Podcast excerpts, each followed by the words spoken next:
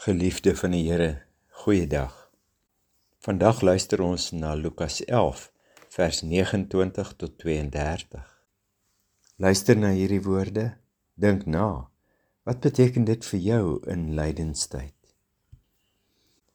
Toe die skare om hom saam drom, het Jesus met hulle begin praat. Hierdie geslag is 'n slegte geslag. Hulle vra 'n teken, maar geen teken sal aan hulle gegee word nie behalwe die teken van Jona. Net soos Jona vir die mense in van Ninive 'n teken was, so sal die seun van die mense teken wees vir hierdie geslag. Die koningin van die suide sal in die oordeel saam met die mense van hierdie geslag opgewek word en hulle veroordeel want sy het van die eindes van die aarde gekom om die wysheid van Salomo aan te hoor. En waarlik, wat hier is, is groter as Salomo. Die mense van Ninive sal in die oordeel saam met hierdie geslag opstaan en dit veroordeel, omdat hulle op grond van die prediking van Jona tot bekering gekom het. En waarlik, wat hier is, is groter as Jona. Laat hierdie woorde net in jou gedagtes insink.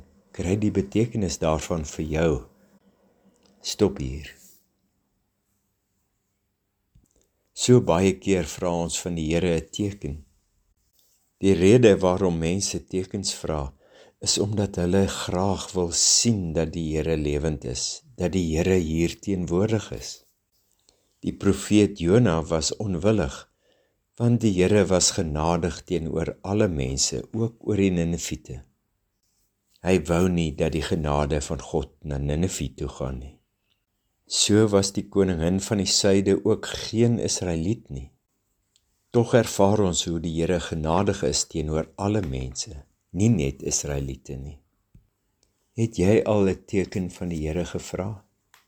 Stop 'n oomblik en dink oor daardie teken na. Watter beter teken dink jy kan jy kry as die teken van Jesus, God wat mens word, onder ons kom bly? Hy wat groter is as Jona. Hy wat groter is as Salomo. Jesus is die bewys dat God dit ernstig met ons bedoel. Hy is genadig teenoor almal wat na hom toe kom. Ek gaan groet, maar jy gaan bewus wees van hoe groot God se genade teenoor jou is. Jy gaan bewus wees van dat Jesus die finale teken is dat God genadig met jou is. Die Here hoef niks meer as dit te doen nie.